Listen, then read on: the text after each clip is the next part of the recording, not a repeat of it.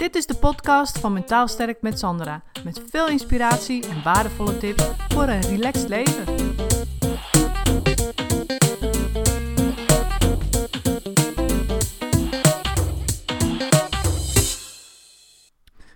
Ik zat laatst eens te denken ehm, dat ik eigenlijk mijn hele leven, uh, doe ik dat eigenlijk al nou ja, wel bewust, maar ook een stukje onbewust. Ehm, het volgende. En dat is iets wat je enorm kan helpen om eigenlijk een soort van teleurstelling in jezelf te voorkomen. En ja, um, daar, of daar makkelijker overheen te stappen. Of sneller door te kunnen, zeg maar, als je een teleurstelling hebt te verwerken. En um, bijvoorbeeld, weet je, ik, ik, wat ik altijd doe, is als ik um, iets wil, dan ja, dan ga ik daar uiteraard voor. Weet je, dan maak ik afspraken met mensen of dan ga ik dat uitzoeken of ik ga ermee aan de slag.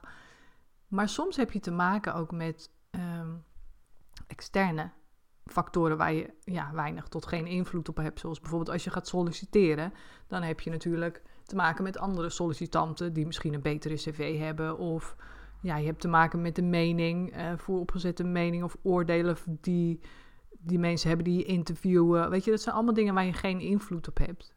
Dus vooral met dat soort dingen, waarbij je te maken hebt met externe factoren, waar je eigenlijk geen invloed op hebt, is het belangrijk om eigenlijk het volgende te doen. Namelijk, dus dat is wat ik eigenlijk altijd ja, bewust, onbewust doe, is um, een plan B hebben. Dan denk ik, ja, dat klinkt heel simpel, maar dat is echt super effectief. Want stel dat je gaat solliciteren en je hebt, je hebt, je hebt echt al je zinnen daarop gezet. En je hebt volgens jezelf alles gedaan, alles aangedaan wat je, wat je eraan kon doen. Goed voorbereid, je hebt het gesprek goed gevoerd of je hebt dingen gedurfd of gezegd ja, die je normaal niet zou zeggen of durven, omdat je echt gewoon die baan graag wil. Was je zelfs bereid om uit je comfortzone te stappen, weet je, al die dingen. Maar dan nog heb je uh, maar beperkte invloed op zo'n sollicitatieprocedure. Dus je kunt je inzetten. En dat is de invloed die je hebt. Dus je kunt je er zelf voor inzetten, je kunt je ervoor voorbereiden en die dingen. Maar je hebt geen invloed op, mm, ja, de, wat ik zei, die andere sollicitanten en de mening van zo'n commissie. Of wat ze in jou zien en wat je, wat, wat je misschien net niet hebt gezegd, wat ze wel hadden willen horen, waarvan jij dat niet wist, weet je, dat soort dingen. Dus dan is het belangrijk dat je een plan B hebt. Waarom?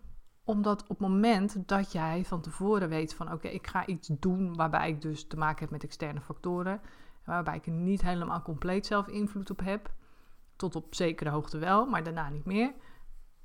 Ja, dan heb je dus kans dat er iets niet doorgaat. Kijk, als je zelf een, uh, een of ander programma gaat uitzoeken hoe dat online werkt, dan heb je daar zelf invloed op. Dus hoe meer je eraan gaat zitten of hoe langer je ervoor gaat zitten, hoe sneller je het snapt, bijvoorbeeld. En heb je eigenlijk gewoon weinig te maken met externe factoren. Dus dit is vooral als je iets aangaat wat, ja, waar waarbij je maar zelf tot op beperkte hoogte invloed op hebt, dan is het zo belangrijk om een plan B te hebben. Want de kans dat je dus bijvoorbeeld bij zo'n sollicitatiegesprek niet wordt aangenomen, die bestaat dan dus. En ja, dan is het gewoon fijn. Dat heb ik eigenlijk altijd gedaan ook.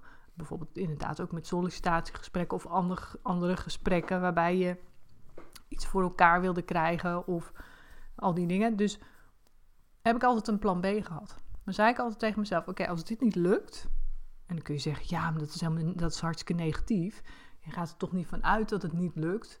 Nee, in principe niet. Maar wat ik zeg, je hebt te maken met externe factoren waar je ook geen invloed op hebt. Dus je hebt er nooit helemaal 100% invloed op, op, op een sollicitatiegesprek. Dus bij dit, dat soort gesprekken zei ik altijd van oké, als dit niet lukt, of als ik niet word aangenomen, dan ga ik dit of dat doen. Dan ga ik, mijn plan B is dan om bijvoorbeeld die werkgever te bellen of om um, ja, daar een sollicitatie of een open sollicitatie naar te sturen of eens in gesprek te gaan of via via's te informeren.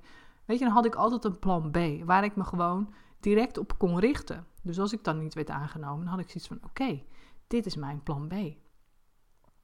Dus bijvoorbeeld toen ik, uh, uh, ik werkte in een organisatie en daar werd ik niet aangenomen. En toen dacht ik: oké, dit was ja, dit, dat wilde ik toen heel graag. Maar achteraf had ik ook zoiets van, ja, soms zijn ook dingen goed dat ze niet gebeuren. Want dat zet je er ook toe om dus met je volgende plan aan de slag te gaan. En achteraf gezien was dat plan wat ik toen had een veel beter plan dan in loondienst gaan werken. Namelijk, ik begon mijn eigen praktijk.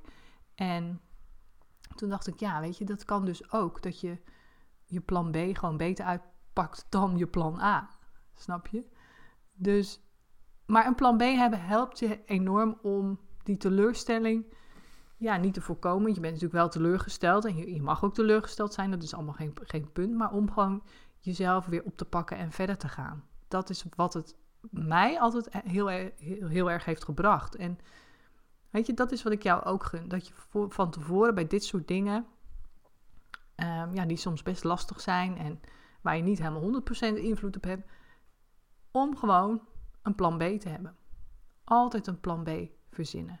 Dan weet je, oké, heb je houvast, daarna kun je gewoon verder.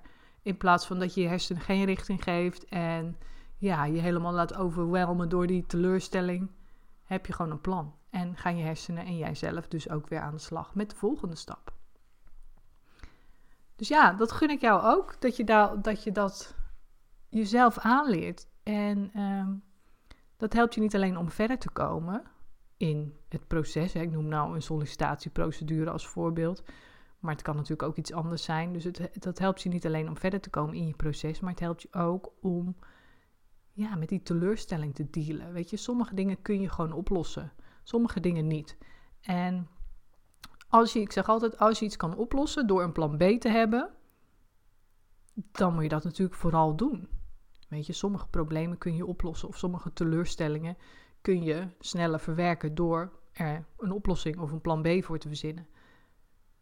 En soms uh, heb je teleurstellingen of moeilijkheden in het leven waar, je, waar geen oplossing voor is.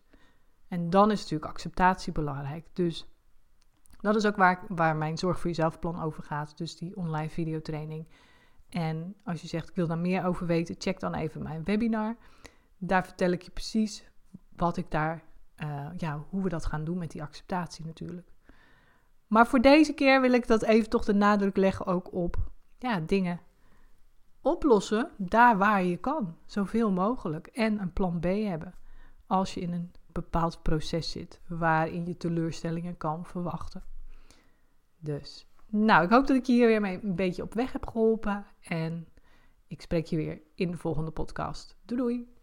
Bedankt voor het luisteren. Het is mijn intentie om met deze podcast waardevolle inzichten te delen die je kunt gebruiken voor je eigen leven en die je helpen groeien in je persoonlijke ontwikkeling.